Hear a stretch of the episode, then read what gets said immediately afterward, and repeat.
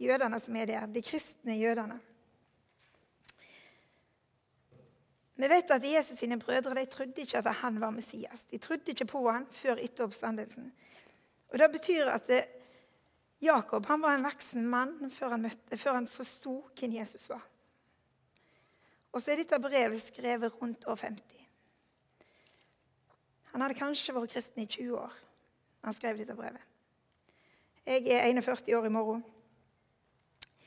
20 år er ikke så veldig masse, tenker jeg. Ja, det hørtes fryktelig gammel ut nå. Men, men brevet det er, det er, litt herlig, da. For det er jo ikke en kopi av andre brev. Det ligner ikke på de andre brevene. Det er skrevet i en annen stil. Og det er lett å lese. Jeg håper at når jeg sier det, så tenker dere at å, jeg skal gå hjem og lese det. Men det er lett å lese brevet til Jakob. Og det har et budskap som når inn i hodet på oss, og som når inn i hjertet på oss. Et utrolig fint brev. Det blir kalt for ordspråket i Det nye testamentet. For det er et brev som er spekka i visdom. Og det oppmuntrer oss til å la trua virke på alle felt i livet. Jeg snakket med Ingvild Hovda i går og fortalte henne hva jeg hadde begitt meg ut på. Og Hun sa da at eh, Luther han mente at dette brevet ikke burde være med i Det nye testamentet. For han mente det var for lovisk. Da tenker jeg at da Jeg er ikke enig med Luther der, altså. Men dere kan lese kan dere se om dere er enige med han. Det er ikke så veldig mange kapitler, det er bare fem kapitler. I min bibel er det bare fem sider. Så det er ikke så veldig mye. Jeg skal snakke om det første kapitlet. Dere kommer til å gå gjennom de andre kapitlene. Jeg vet ikke om det er ett og ett kapittel i, på lørdagene framover. Eh, jeg kommer ikke til å gå inn i alle vers. Jeg kommer til å lese alle vers. Men jeg kommer ikke til å gå inn på alt.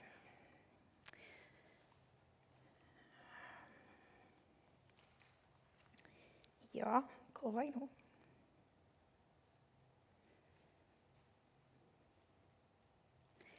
Ja, jeg tror vi bare leser fra vers 2 og til vers 11. Jeg må drikke litt, jeg, selv om jeg ikke trodde det. Skjelver på nevene. Mine brødre, akt for bare glede når dere kommer i mange slags prøvelser. For dere vet at når troen blir prøvd, virker det tålmodighet. Men tålmodigheten må føre til fullkommen gjerning, så dere kan være fullkomne og hele og ikke komme til kort i noe.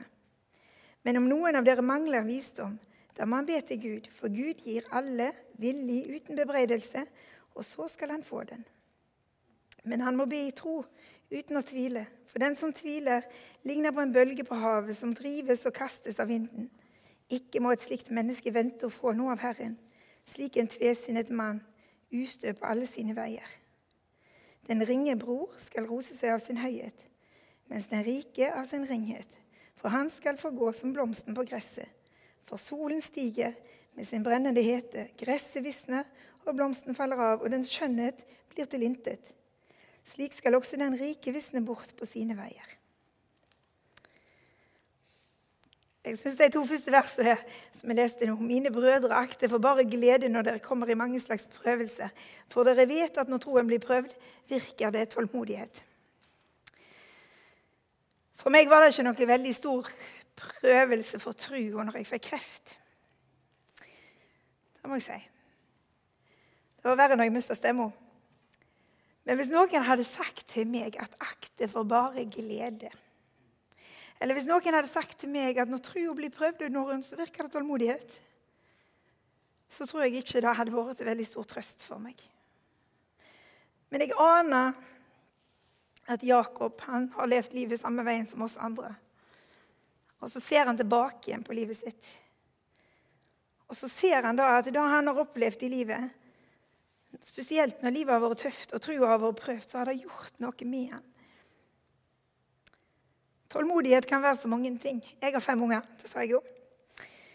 Og veldig ofte tenker jeg hadde dere bare forstått.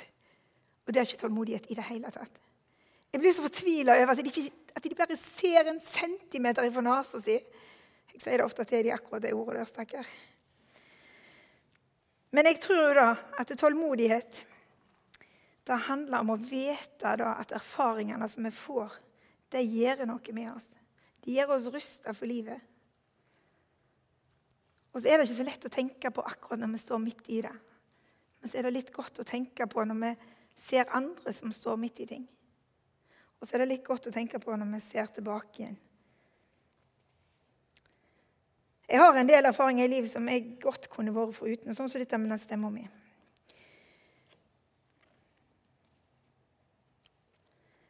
Jeg kan jo fremdeles reise på leir og på lag, men det er forferdelig slitsomt. Jeg kan ikke gjøre det så masse som jeg gjorde. Jeg kan ikke synge. Jeg sang et vers her, det skulle jeg jo aldri gjort. Men eh, jeg kan ikke synge noe særlig, for da sliter jeg stemmen helt ut.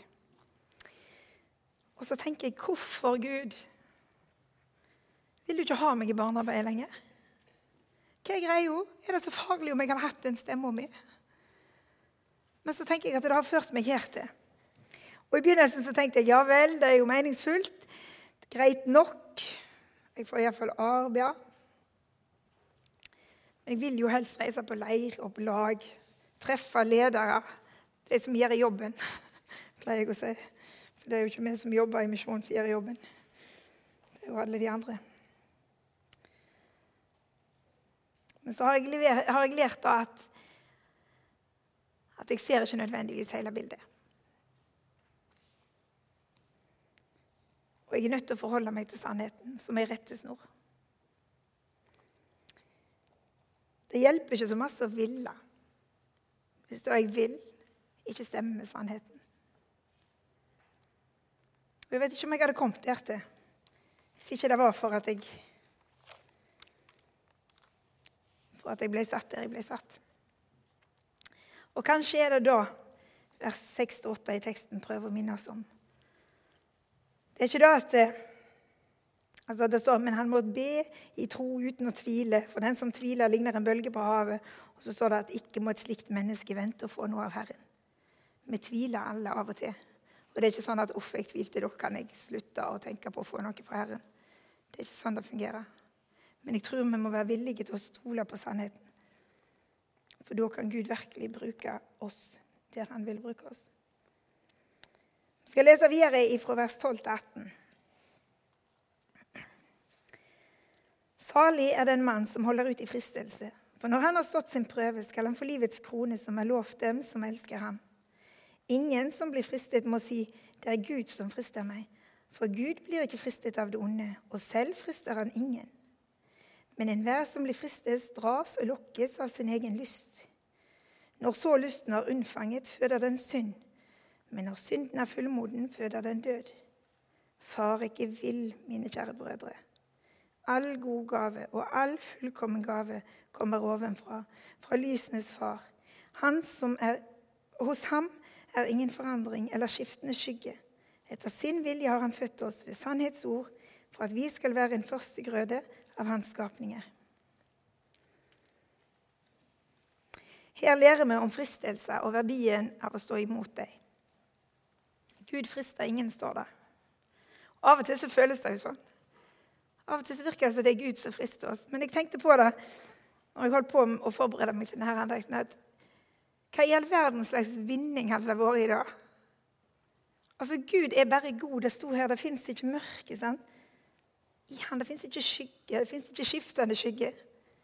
Lys som, som forandrer seg. Det er ikke sånn. Det er bare lys i Gud. Han vil bare det gode og hadde elska oss mennesker. Hvorfor i all verden skulle han friste oss? Jeg trenger ikke si mer om det. Det sier seg sjøl. Han kan ikke gjøre det. Da å ha sin lyst i det gode, har jeg skrevet, det er faktisk med på å beskytte oss. Jesus sier en plass at der så skatten din er, der vil hjertet ditt òg være. Tenk på hva du har lyst til. Tenk på hva du, hva du higer etter, hva du drømmer om. Det kan beskytte deg hvis du ønsker deg gode. Jeg skal ta og lese resten av kapitlet. Vit dette, mine kjære brødre. Hvert menneske skal være snart til å høre, sent til tale, sent til vrede. For manns vrede virker ikke det som er rett for Gud. Avlegg derfor all urenhet og enhver rest av ondskap, og ta ydmykt imot ordet som er implantet i dere, og som er mektig til å frelse deres sjeler. Men vær ordets gjørere, ikke bare dets hørere. Ellers vil dere bedra dere selv. For dersom noen er en ordets hører og ikke dets gjører, da ligner han en mann som ser på sitt naturlige ansikt i et speil. Han eh, så på seg selv og gikk bort, og glemte straks hvordan han så ut. Men den som skuer inn i frihetens fullkomne lov og fortsetter med det, slik at han ikke blir en glemsom hører, men gjerningens gjører, han skal være salig i sin gjerning.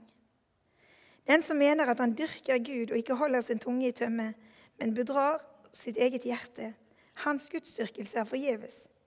En ren, usmittet gudsdyrkelse for Gud og Faderen er dette. Å se til farløse og enker i deres nød og holde seg uplettet av verden.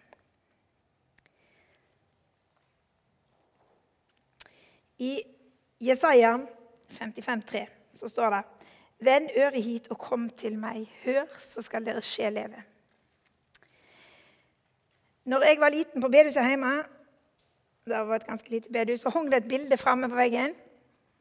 Et på hver side. På det ene så sto dette verset her. Og Det var skrevet med gullbokstaver på svarte bakgrunn, og det var ramma inn i lysebrune rammer med glass på.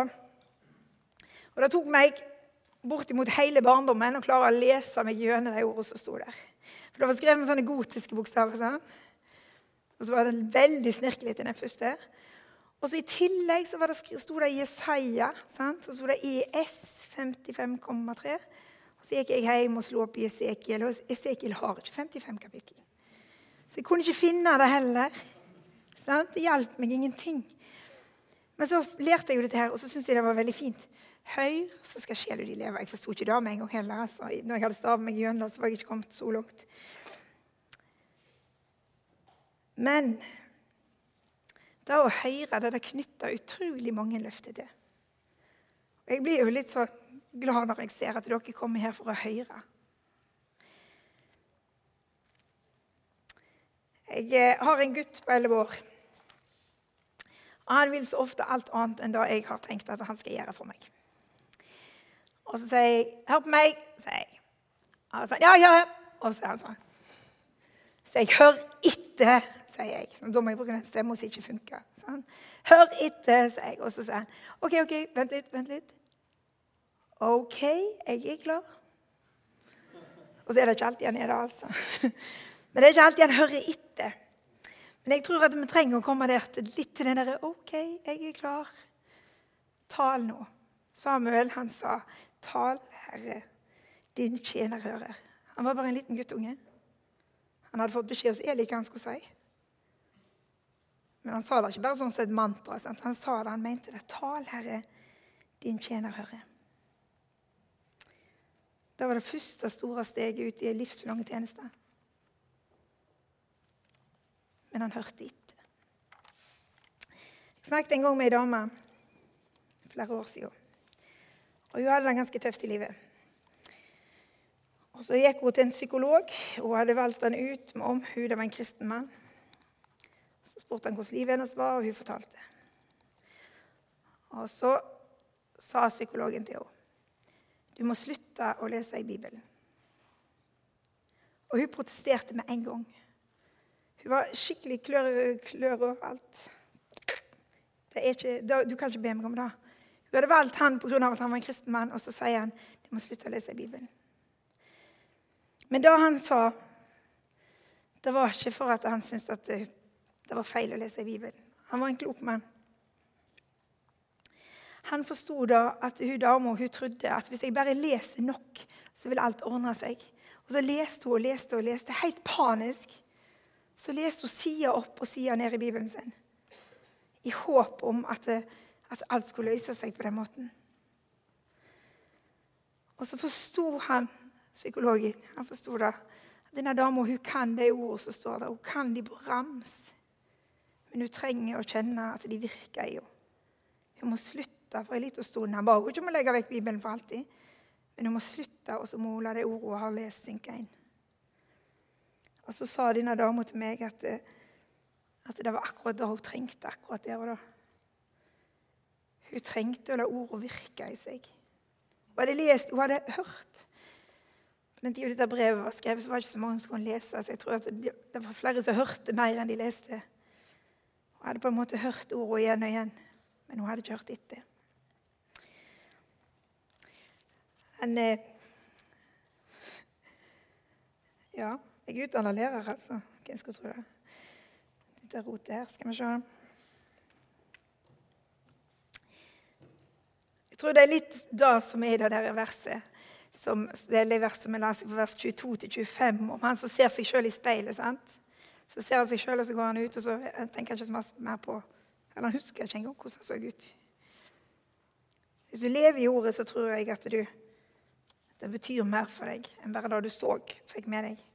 Konfusius skal ikke si så mye om han, for han har jeg ikke greie på, men han levde visstnok før Jesu fødsel. Han sa, 'Jeg hører, jeg glemmer. Jeg ser, jeg husker. Jeg gjør, jeg forstår.' Og Det er ikke alt i Bibelen som virker logisk, men jeg tror at hvis vi lever i det, så tror jeg kanskje det er en fare for at vi forstår litt mer. Vi har en tendens litt sånn som jeg. sant? At jeg tenker at Det hadde jo vært mye bedre om jeg bare hadde hatt en stemme om, sånn at jeg kunne ha reist rundt og vært barnearbeider. Men kanskje så er det noe jeg ikke forstår. Så lever vi i det, så forstår vi det. Jeg gjør, jeg forstår, sa Konfusius. Han var en klok mann, han òg, altså, tross navnet sitt. Jakobs brev det sier ingenting om forsoningen. Det sier ingenting om at Jesus var Guds sønn. Det sier ingenting om oppstandelsen. Jeg er litt glad for at vi har sang om alt da i sangene her. For jeg heller kommer ikke til å si noe om det. Men Jakobs brev da snakker rett inn i vår hverdag, der som vi er. Og jeg tror at dere vil ha mye igjen for å lese. Jeg tenkte på det, jeg var ute og henta meg en blyant for å liksom skrive sånn siste avsnitt i boka mi. For jeg er så gammel at jeg skriver for hånd. Sant? Denne her har jeg fått. For jeg tror at det er veldig mange av oss som har masse kunnskap. Masse bibelkunnskap.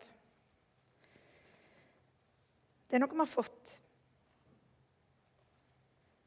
Noen har gitt oss det.